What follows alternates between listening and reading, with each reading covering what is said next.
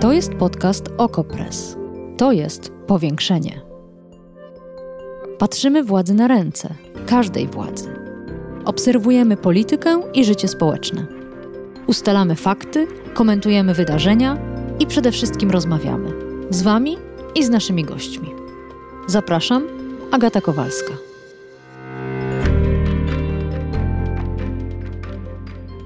Borys Budka w sztabie Konrada Fiołka. Jestem człowiekiem wielkiej wiary, że współpraca w Rzeszowie będzie promieniować. Udowodniliśmy, że wspólne działanie opozycji to klucz do sukcesu. Rafał Trzaskowski na Twitterze. Wynik Konrada Fiołka pokazuje, że kiedy opozycja jest razem, wspierana przez cały samorząd, tylko wtedy ma szansę na wygraną. Robert Biedroń dzisiaj rano w TVN24. Dzisiaj Rzeszów, jutro cała Polska. Zastanawiam się, czy rzeczywiście rzeszowskie wybory prezydenckie, w których w pierwszej turze wygrał wieloletni samorządowiec Konrad Fiołek, można przekładać na sytuację w polityce krajowej. I czy rzeczywiście wygrana Fiołka, popieranego przez wszystkie partie opozycyjne, to zarazem wstęp do tych wyborów, które czekają nas za dwa lata i wstęp do budowania zjednoczonej opozycji. O tym dzisiaj w powiększeniu.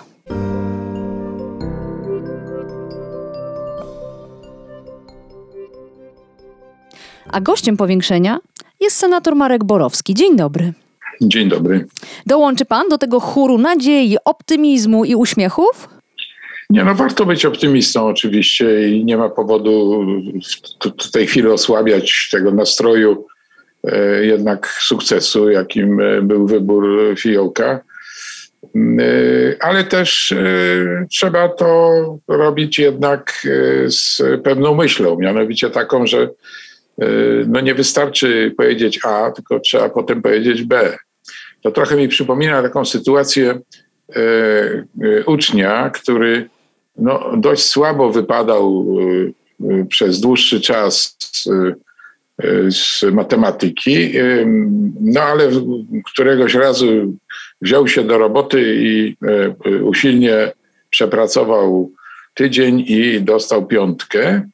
No i wtedy y, jakby zapowiedział, że to jest y, początek dobrej zmiany. Tymczasem y, jego rodzice wiedzieli dobrze, że ta dobra zmiana nastąpi wtedy, jeżeli on będzie kontynuował swój wysiłek. Natomiast jeżeli to jest jednorazowy wysiłek, no to oczywiście dalej nic z tego nie będzie. Ale Więc... widzi pan, to od razu zapytam, przechodząc już od ucznia do Zjednoczonej Opozycji, bo to ona przecież jest w tej historii e, słabym uczniem z matematyki, czy aby na pewno wygrana Konrada Fiołka to jest sukces Polski 2050, Koalicji Obywatelskiej, Lewicy i PSL-u, czyli partii, które go poparły, czy też może jest to sukces Konrada Fiołka? Myślę, że jedno i drugie. To znaczy, z jednej strony yy, proszę zwrócić uwagę, że jedynie Fiołek był kandydatem e, niepartyjnym. E, natomiast cała pozostała trójka to byli kandydaci partyjni.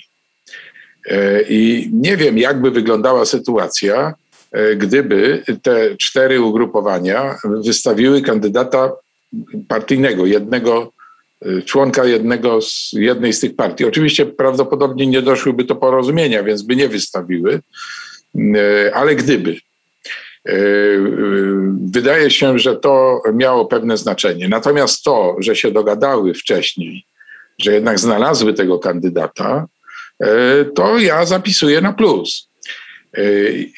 Z tym, że proszę zwrócić uwagę, że tu mieliśmy do czynienia z wyborami personalnymi, to znaczy to są wybory, można powiedzieć, w okręgu jednomandatowym. No to taki sukces opozycja już raz odniosła przy wyborach do Senatu przecież.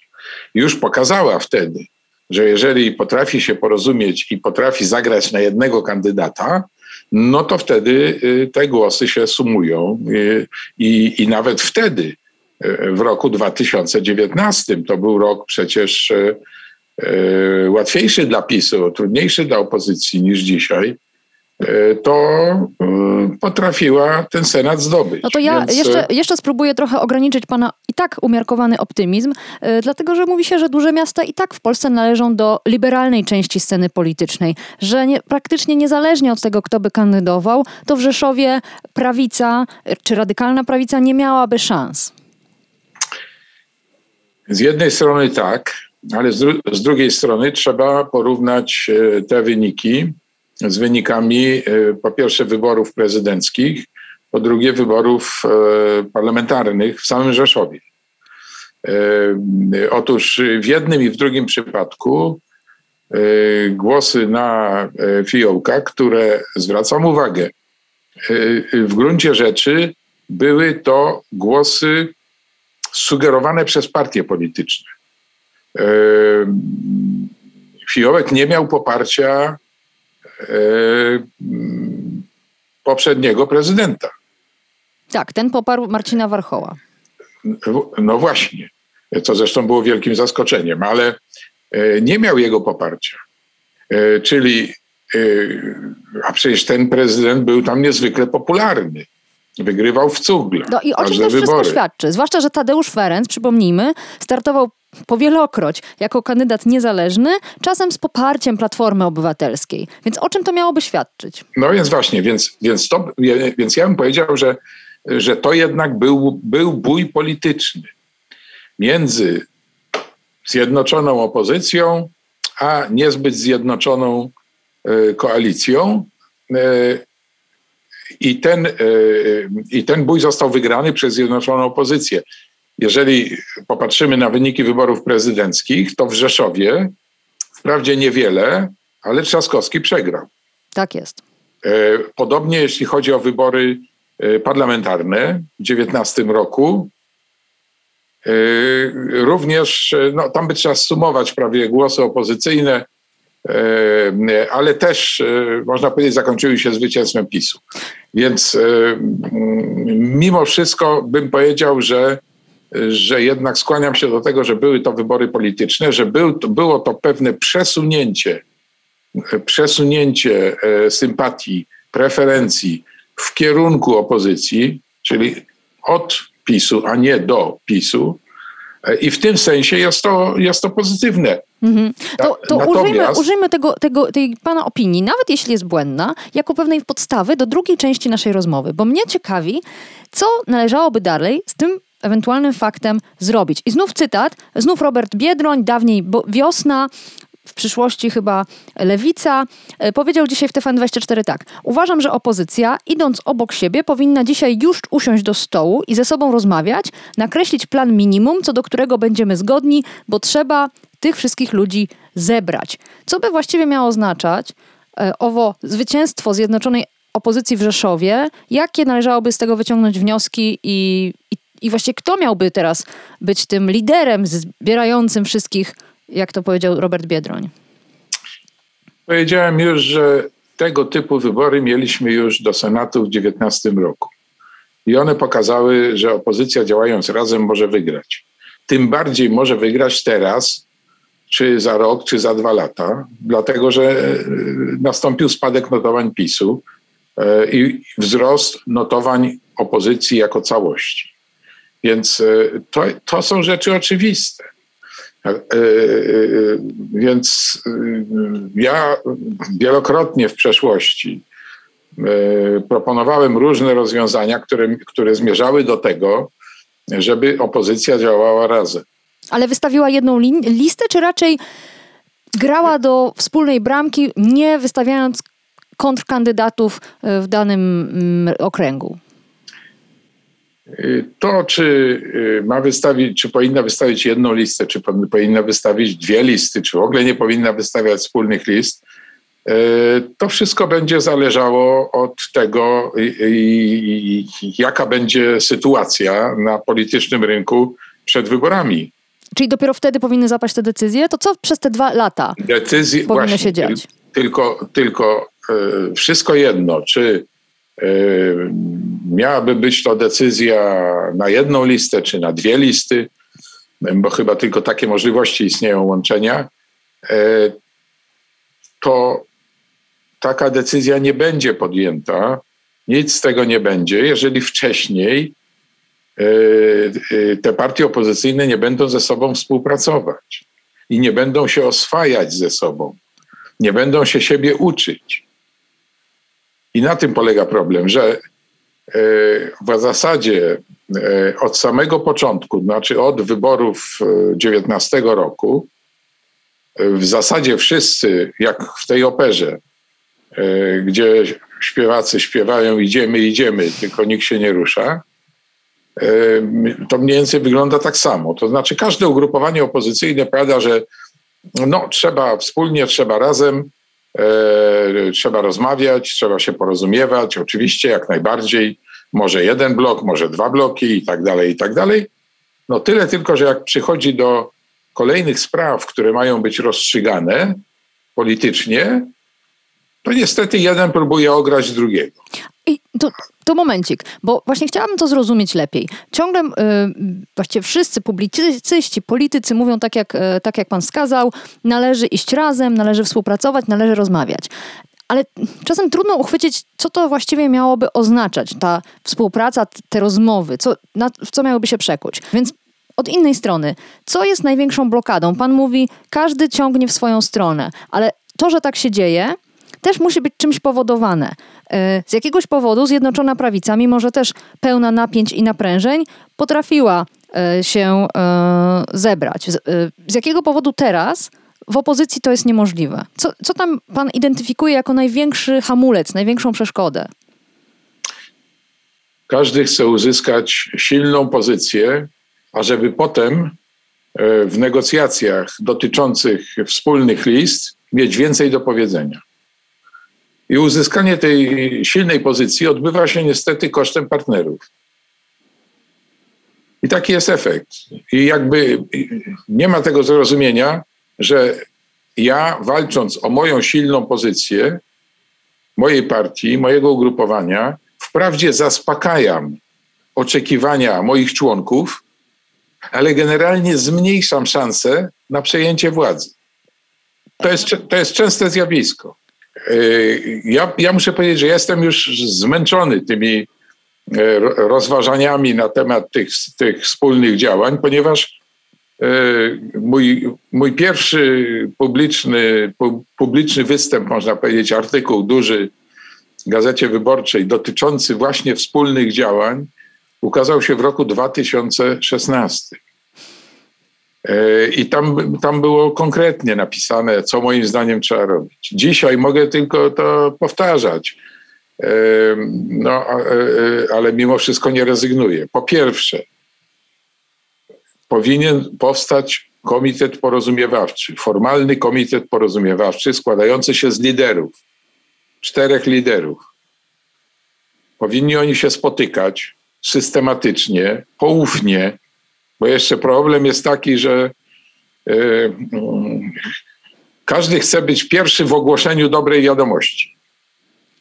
I w momencie, kiedy ten ktoś wychodzi jako pierwszy i informuje w imieniu wszystkich, to oczywiście pozostali uważają, że zostali wystrychnięci na dudka i współpraca się wali. No, Platforma Obywatelska nawet to przebiła, ogłaszając coś przed powstaniem tej inicjatywy. Mówię o koalicji 276.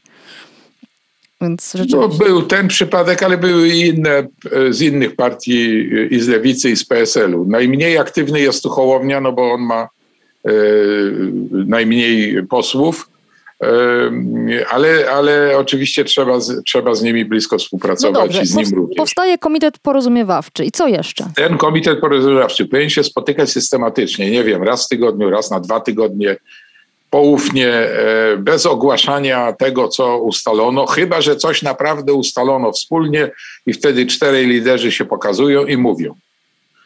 E, na, na takich spotkaniach e, jest mowa o tym, co nas czeka, jak w najbliższym czasie, jakie wydarzenia polityczne ze strony PiSu, czego możemy się obawiać, w jaki sposób to kontrować co możemy wspólnie zaproponować tutaj e, wyborcom w tych sprawach? Jak będziemy głosować w różnych sytuacjach? A jeżeli nie będziemy głosować jednakowo, to poznajmy przyczyny wcześniej, dlaczego nie jednakowo, i potem odnośmy się do tego publicznie ze zrozumieniem, bez krytyki, bez odsądzania od czci i wiary jedni, drugich i, wyzwisk. E, to po pierwsze. Po drugie, jakie sprawy nas łączą. I w związku z tym, co możemy przedstawić wspólnie już jako propozycję na przyszłość. To znaczy, jeśli wygramy wybory, będziemy rządzić, pewnie wspólnie przecież będziemy rządzić, tu się nie da, tu żadna partia nie wygra samodzielnie, to co przeprowadzimy w pierwszej kolejności? W jaki sposób to przeprowadzimy? I wiadomo, że sprawy dotyczące przede wszystkim ustroju szeroko rozumianego, wolności obywatelskich, e, organizacji pozarządowych, e, mediów publicznych i tak dalej, i tak. To są rzeczy, które łączą te partie.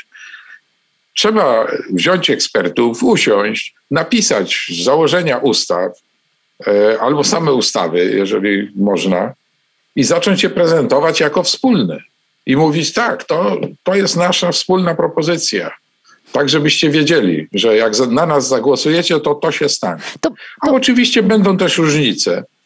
I poszczególne partie będą miały w pewnych sprawach swoje poglądy, no ale to będzie powodowało, że oczywiście wyborcy będą dokonywali wyboru. To brzmi bardzo pracochłonnie, a zarazem nie jest specjalnie skomplikowane. To nie jest rzeczywiście jakaś, pani redaktor, jakaś wielka akrobatyka, polega, ale to się nie dzieje. Ale, ale pani redaktor, pani powiedziała, to, to, to, to brzmi pracochłonnie. Właśnie problem polega na tym, że bez pracy nie ma kołaczy. I, tu niektórym się wydaje, że wystarczy wymyśleć jakiś chytry wybieg, jakiś podstęp, e, nagle ogłosić coś, co, z, że tak powiem, wywoła entuzjazm narodu, e, albo skrytykować tą, ten PiS za jakąś kolejną głupotę, którą robi, albo, albo świństwo zwykłe. I to spowoduje, że ludzie zaraz y, y, zdejmą klapki z oczu i już radośnie przybiegną. No ten chytry no, sposób dla Platformy no nie, to trzeba, od lat y, trzeba pomysł pracować, taki, pracować. Dla, dla Platformy Obywatelskiej czy Koalicji Obywatelskiej ten chytry plan to jest po prostu hasło odsuńmy PiS od władzy. I mimo tego, że ewidentnie wybory kolejne pokazują, że takie hasło nie działa, to trzymają się go kurczowo. No, oczywiście warto się zastanowić, czy mm, po tych rzeszowskich wyborach uda się na fali nowego entuzjazmu zmienić kurs, zacząć myśleć trochę inaczej, ale chyba nie ma pan za bardzo optymizmu w sobie. Nie, nie, nie chcę mówić, że nie mam. E, przeciwnie, może to bardziej zmobilizuje jeszcze do takiego działania. Yy, no trzeba to powtarzać, trzeba o tym cały czas mówić, że to niestety musi być strategia długofalowa. Długofalowa strategia, czyli do wyborów w 2023 roku. A, yy, i, I to będzie stopniowe przeciąganie wyborców na swoją stronę. Ale sytuacja jest bardzo skomplikowana, dlatego że y, opozycja nie jest zupełnie bierna. Ona jest aktywna, tylko każdy na swoim podwórku. W efekcie mamy y, koalicję obywatelską, która próbuje y, podgryzać Hołownię i Hołownię, który podgryza Platformę. Mamy Lewicę, która ostatnio zagłosowała razem z Prawem i Sprawiedliwością w sprawie Funduszu Odbudowy. W efekcie wzmacniając swoją pozycję, ale znów dokonując wielkiego wielkiego rozłamu w samej opozycji. Więc to są bez przerwy wydarzenia ze sceny partyjnej, które śledzimy z zapartym tchem i trudno wyobrazić sobie, że to miałoby się dziać równolegle do działającego y, Komitetu Porozumiewawczego mm, z projektu pana marszałka. Yy, no tak, no ale dzieją się też inne wydarzenia, prawda? Które działają w drugą stronę. Właśnie ten wybór jest takim wydarzeniem. Zobaczymy, co będzie z Rzecznikiem Praw Obywatelskich. E, ale nawet, ale nawet jeżeli Wiązek przegra, a Staroń wygra, to e, ten, ten wyłom tam już się stał w Zjednoczonej Prawicy. On jest coraz silniejszy. W związku z tym to powinno też skłaniać do tego, żeby E, no, e, tak działać, żeby, żeby, żeby widać było w tym strategię długofalową, czyli to są potyczki, to są potyczki, a bitwa decydująca jest znacznie później. E, więc ja nie wykluczam, że, że jednak no, do takich choćby cząstkowych porozumień dojdzie. A jeszcze na koniec chciałam pana zapytać, bo zapytano dzisiaj mm, premiera Morawieckiego, co sądzi o wynikach w Rzeszowie. On powiedział, ta lekcja będzie odrobiona. Jak pan myśli, co to oznacza? Czy możemy jakoś, czy to, czy, czy to coś może oznaczać ze strony mm, prawicy? Nic. E, Pan premier Morawiecki to jest człowiek, który e, mówi, co chce, oczywiście. E, I kiedy tylko chce, to mówi. E, Natomiast z tego nic nie wynika. No już pomijając fakt, że on oszczędnie gospodaruje prawdą w różnych kwestiach, e, to e, on ma świadomość, że to jest porażka w tej sprawie, że ten warchoł tam się wyłamał i tak dalej. Tylko, że on, on, nie, on, on wie, że on jest bezradny. Do, do niego nic nie należy, żadna decyzja. Decyzję podejmuje Kaczyński, który w tej sytuacji obecnej też ma kłopot z decyzją. E, W zasadzie Morawiecki po awanturze o fundusz e, odbudowy europejski powinien natychmiast wywalić Ziobrę z rządu. No ale przecież nie, nie może tego zrobić. No wiemy, że nie, nie premier decyduje, kto jest ministrem. No bo nie on decyduje, on, nie, on, on jest tutaj marionetką w gruncie rzeczy, więc no, no, opowiada takie historie, tak, lekcja będzie wyciągnięta oczywiście i tak dalej. On nawet sięga do takich e, dość absurdalnych tłumaczeń, bo no, musiał jakoś e, wytłumaczyć tą porażkę i Leniart, prawda, i tego Warchoła. E, No to powiedział, że no tak mówi, ale w 2000 mm, e, 18.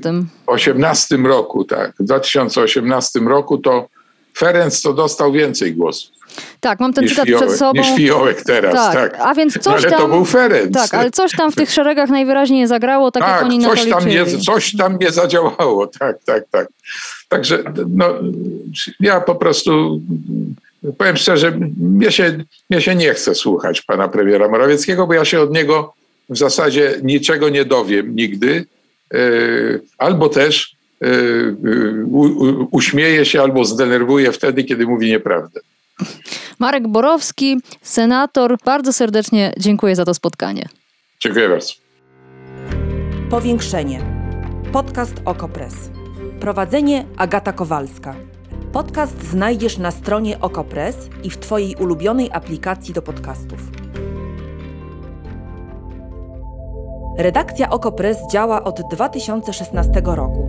Jesteśmy obywatelskim narzędziem kontroli władzy, obecnej i każdej następnej.